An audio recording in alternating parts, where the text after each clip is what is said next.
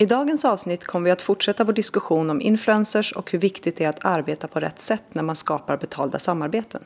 Detta på grund av Fire Festival, ett totalfiasko som använder sig av extremt stora dyra influencers för att skapa uppmärksamhet och räckvidd.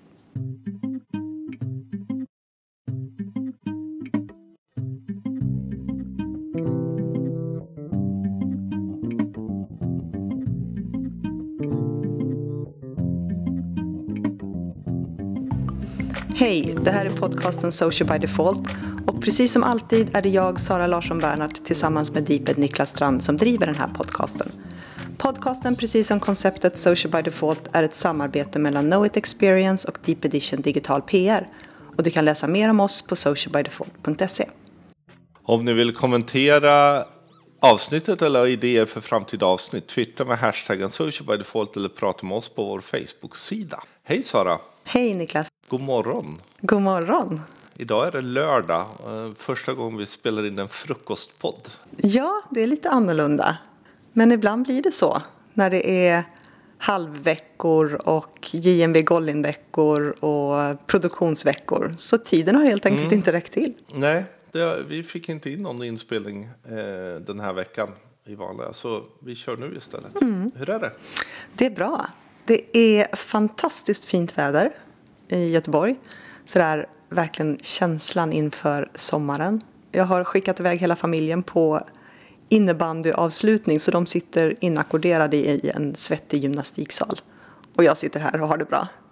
Ja, jag ska iväg och eh, mina barn är ju, musiken räddade ju dem från sporten sådär. Så idag är det körgrej eh, och sen så ska min son spela med sitt band ikväll. Så jag ska spe, faktiskt spela in det som en livekonsert och köra en livesändning från deras Facebook-sida också. Åh, vad roligt. Det här är 70 avsnittet. Ja, det, det finns ju några ströavsnitt men 70 stycken riktiga avsnitt har vi spelat in. Det är över 80 000 lyssningar som har gjorts på våra podcasts. Vi har haft 22 gäster Ja, det har som vi blivit har så intervjuat. Ja, och sen har vi haft liksom säkert 20-22 till som vi har så att säga, gjort kortintervjuer med. Men 22 stycken gäster, det är roligt. Tack alla de som varit med.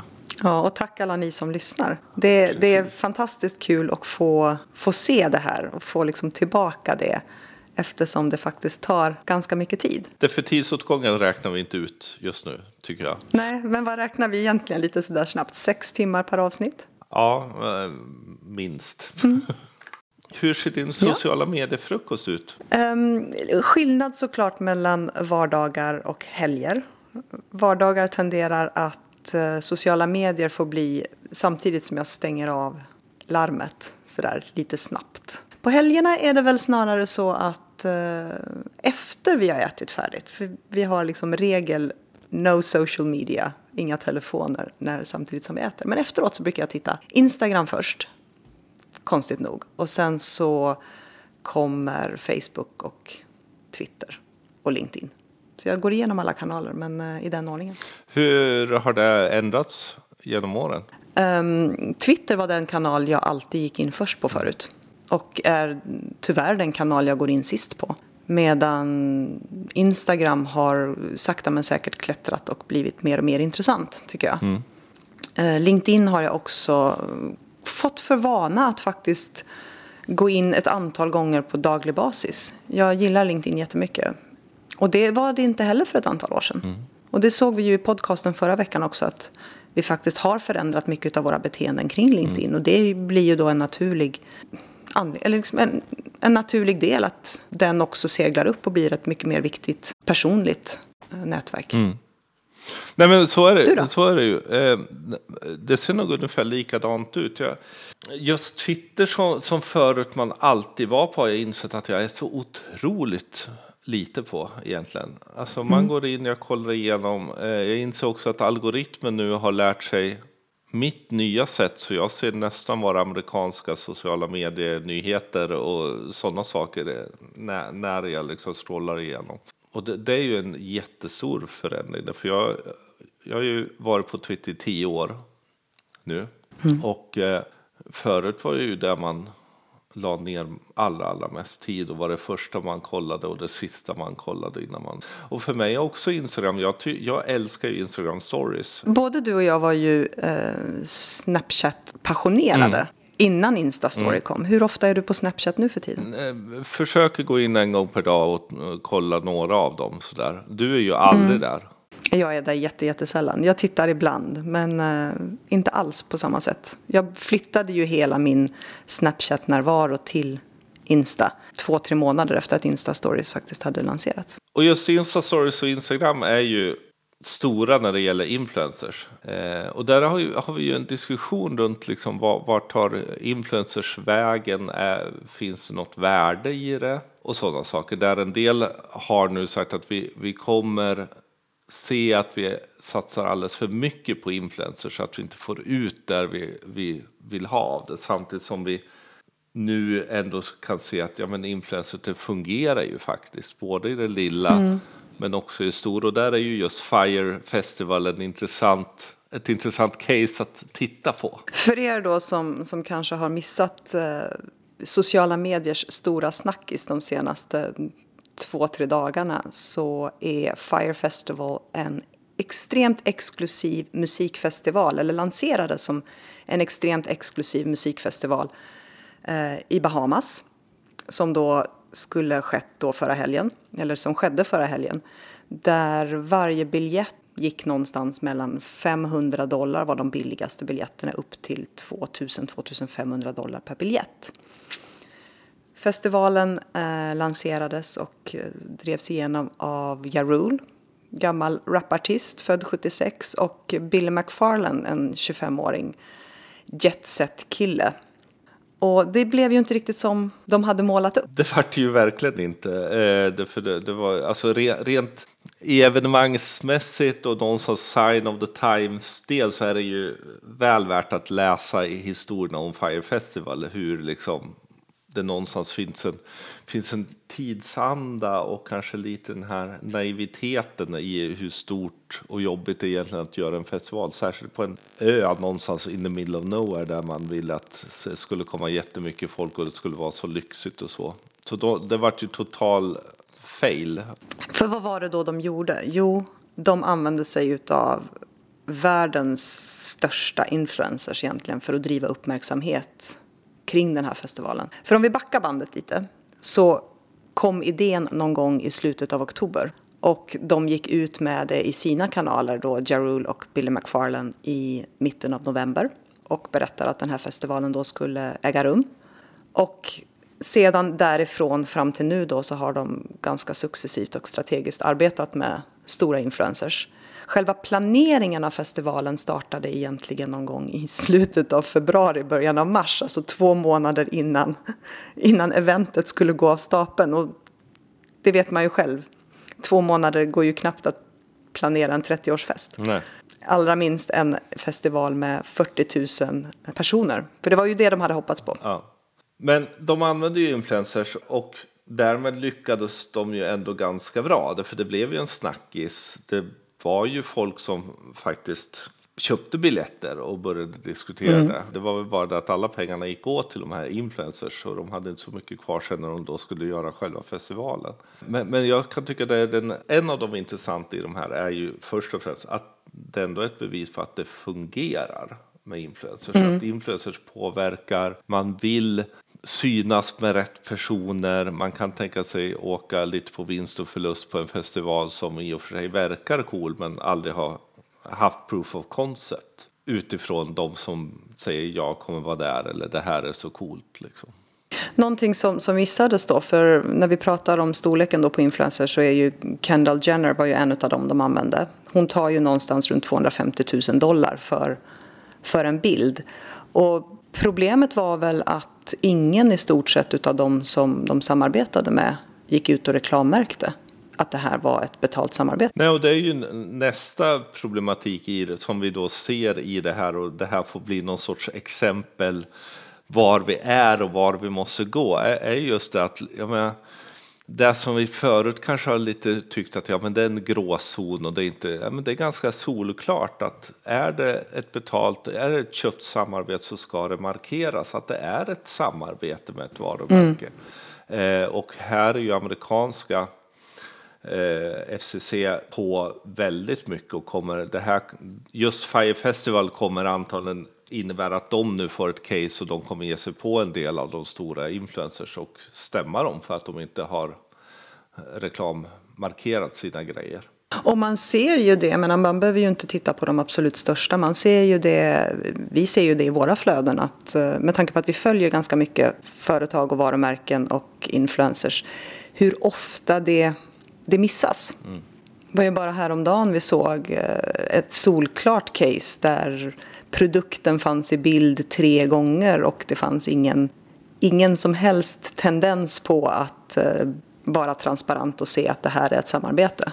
I det här fallet var det ju också en sån här liksom varför finns den produkten i bild? Den, den hade inget där mm. att göra. Och, och, det blir ju sådana saker också att jag menar, det blir så solklart att för de stora blir det väldigt, väldigt viktigt att markera när, eh, när man gör ett samarbete eftersom nästan alla tror att allting annars är samarbeten.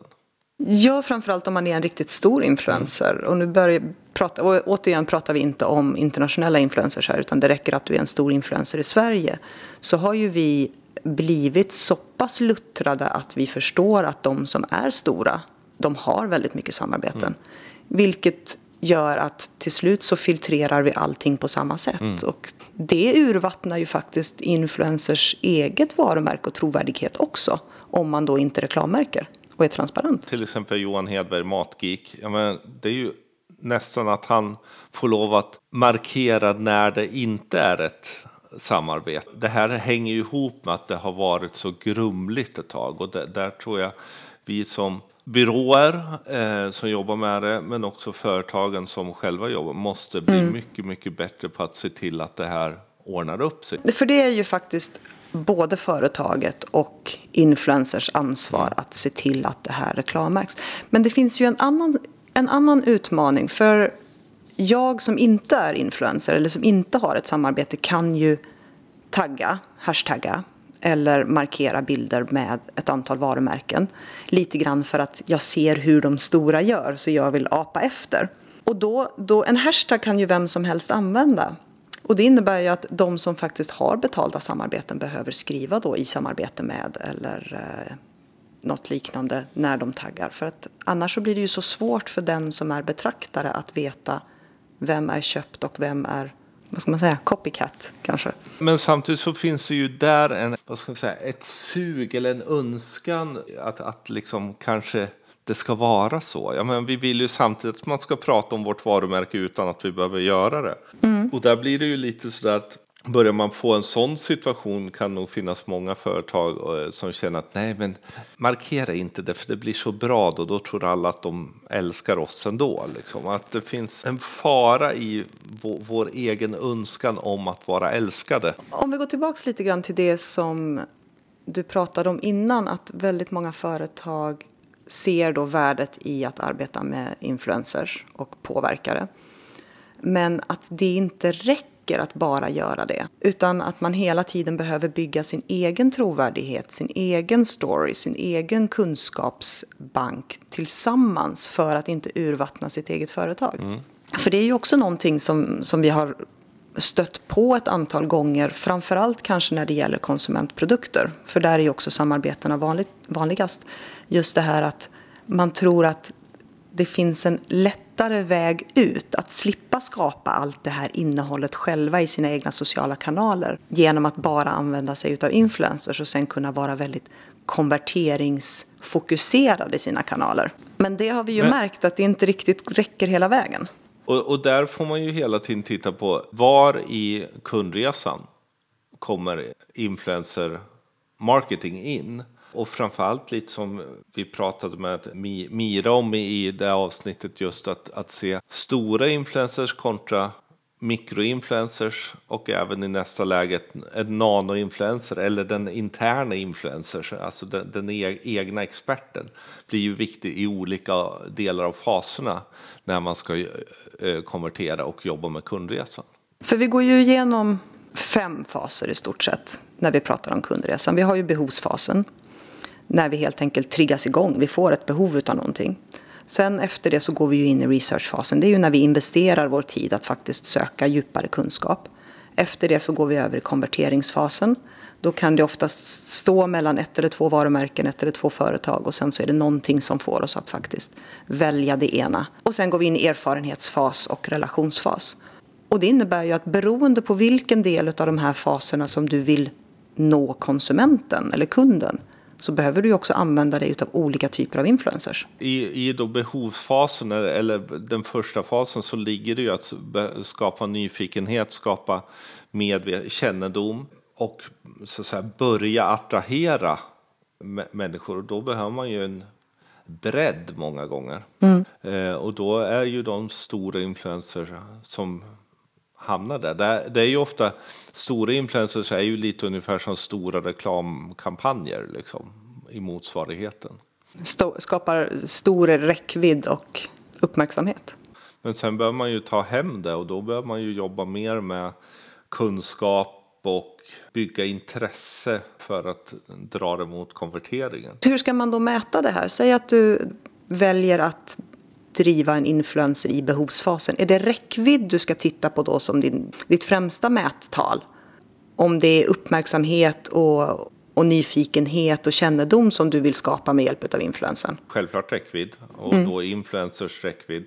Men också engagemang är viktigt i det här att, att mäta vad finns för engagemang runt det material som influencers har skapat. Och även i det fallet handlar det ju om att börja titta på om man har, har gjort sin hemläxa så att man har så att säga ett sorts influencerkluster där man kan titta så kan man ju faktiskt titta på share of voice där under den tid man gör det. Hur, hur mycket av vårt varumärke pratas i det här klustret kontra andra varumärken och sådana saker. Om du då mäter, mäter räckvidd engagemang i behovsfasen så vet vi också, vi pratade ju med Mira, eh, att mikroinfluenserna och nanoinfluenserna har högre påverkansgrad på sina följare. Mm. Är det närmare konverteringsfasen som du använder dig av de influenserna då och kan mäta trafik till webbplats till exempel eller kan mäta rena konverteringar? Allt beror ju på vad du ska göra och vad du har för mål och så. Men skulle man se en väldigt stor lansering så, så kan det ju finnas värde att titta på hur kan vi använda mikroinfluenser som kanske ligger närmare där vi vill prata om, som är lite mer experter eller nördar eller eh, sådär. Där man ser att de har ju lägre räckvidd var och en, men tillsammans kan man ju få högre räckvidd. Men framför allt så ser man ju att de har ju ofta otroligt mycket högre engagemang. Och sen handlar det om att dra det till då konverteringsdelen, att faktiskt få folk att ta beslut. Varför är företag då så rädda för att eh, vara transparenta med sina samarbeten? Om ett transparent samarbete egentligen handlar om att du väljer att jobba med en influencer oavsett om det kanske är en, en större influencer men framförallt mikroinfluencer skapar högre trovärdighet och faktiskt kan nyttja dem från researchfas hela vägen in i erfarenhetsfasen genom konverteringsfasen. Varför är man då så rädd för att vara transparent? Det ger ju snarare en högre kredibilitet. Jag menar om jag som influencer väljer ett företag att samarbeta med så innebär ju det att jag sätter mitt eget varumärke lite grann på prov med tanke på att skulle jag inte stå bakom produkterna eller stå bakom tjänsterna eller stå bakom företaget så skulle jag ju förhoppningsvis inte välja det företaget utan något annat. Nej, samtidigt så känns det ju ibland som att en del influencers jobbar med den som ringer och det är väl det som vi har problemet att liksom en, del har sålt ut ganska mycket av sin eh, eh, kredibilitet liksom. Eh, och då kan det bli blir svårt med de delarna. Det jag tycker är intressant är, är ibland att vi glömmer också bort att användarna i sig är ju också influencers i sin lilla sfär. Mm. Eh, och där är ju någonstans den sista fasen i en kundresa som, som vi var duktiga i början att prata om user generated content. Vi, vi liksom säger ja men det är ju jättebra om man tar en bild och så, men vi utnyttjar det ju inte på, på något sätt. Liksom. Det, här har vi det riktigt förtjänat. Om jag gillar det jag köpt så berättar jag det och då plötsligt har vi ju influencers som inte är köpta som är hypertrovärdiga och framförallt påverkar jättemycket sin närmaste omkrets. Så där kan man, om man pratar räckvidd, kan man ju få jättehög räckvidd egentligen i otroligt hög trovärdighet. Och där är det viktigt att tänka då att den sista fasen i relationsfasen där man försöker bygga sin kundrelation, det är ju också ett influensarbete. Mm. Om vi går tillbaka till Fire Festival, vad har vi lärt oss av den? Som vi som ändå jobbar med mindre företag, med liksom organisationer och så. Jag tror att det man kan lära sig är, handlar ju dels om att, att arbeta med influencers funkar. Men att du behöver bygga din egen story för att ha ett proof of concept. Det gjorde de ju väldigt lite här. Det fanns ju liksom ingenting att, att, landa på egentligen för den hade ju aldrig funnits tidigare. Utan det blev ju ett luftslott som de byggde med hjälp av kända människor. För att sen då i om vi går tillbaka till erfarenhetsfasen då, inse att de förväntningar som de byggde upp lyckades de ju inte överhuvudtaget närma sig. Och där är ju också faran när du väljer typ av influencer. Att har du en influencer som har en viss kredibilitet, som har en viss status, som är expert inom ett visst område. Om du då ska använda dig av den personen eller de personerna så behöver ju ditt varumärke också landa i samma nivå som den influencern. Och där tror jag att, att Fire Festival missade totalt. Jag funderade väldigt mycket när jag läste om Fire Festival. Det kommer göra för eh, stora influencersamarbeten. Alltså de här stora influencers, även om vi har en ganska kort, vi har ett kort minne så blir ju deras egna varumärken också tilltufsade lite grann. Jag menar, här gick de ut och promotade någonting som överhuvudtaget eh, totalfailade. Och där behöver man ju vara noggrann med alla sina samarbeten. Ehm, jag tror inte att man, det är så hård konkurrens att jag tror inte att man klarar av att göra ett antal sådana missar. Och här tror jag också att, att som företag behöver du fundera på vad får, vad får en influencer lov att kosta? Beroende mm. på vad du vill få ut av det. Jag menar 250 000 dollar per bild från eh, Kendall Jenner var ju inte ens i närheten av det som, som festivalen sen eh, levde upp till. Och i deras fall så hade de ju ett antal sådana här samarbeten vilket gjorde att hela budgeten urvattnades. Det, det där jag fasciner, kan fascineras lite av influencer marketing, att det är när det gäller de här strukturerade köpta samarbeten med större influencers så är det lite som traditionell media, alltså traditionell reklam egentligen. Hej, skulle du kunna skriva en postning om det här? Här är en bild. Eller vi tar dig hit och så tar du bilder och så. så. Och det är ungefär som att sätta in en helsidesannons. Känns lite som att det där ser vi nu. Vi kanske mm. kommer se, men jag är inte helt säker på att vi kommer se det så länge till kanske. Jag vet inte. Vad tror du? Inte de allra största tror jag inte. Jag tror att man kommer inse fördelen att arbeta mycket, mycket mer med mikroinfluencers och nanoinfluencers som blir liksom en röst för varumärket och företaget. Det blir en mycket högre trovärdighet. Visserligen kanske i ett längre samarbete så kan det kosta lika mycket men det du får tillbaka är så otroligt mycket mer. Så att jag tror att om, som influencer idag så ska man nog akta sig för att bli för stor. Samtidigt så vill man ju tjäna pengar. Så det, något som jag tror vi ska prata någon annan gång om är också eh, interna influencers.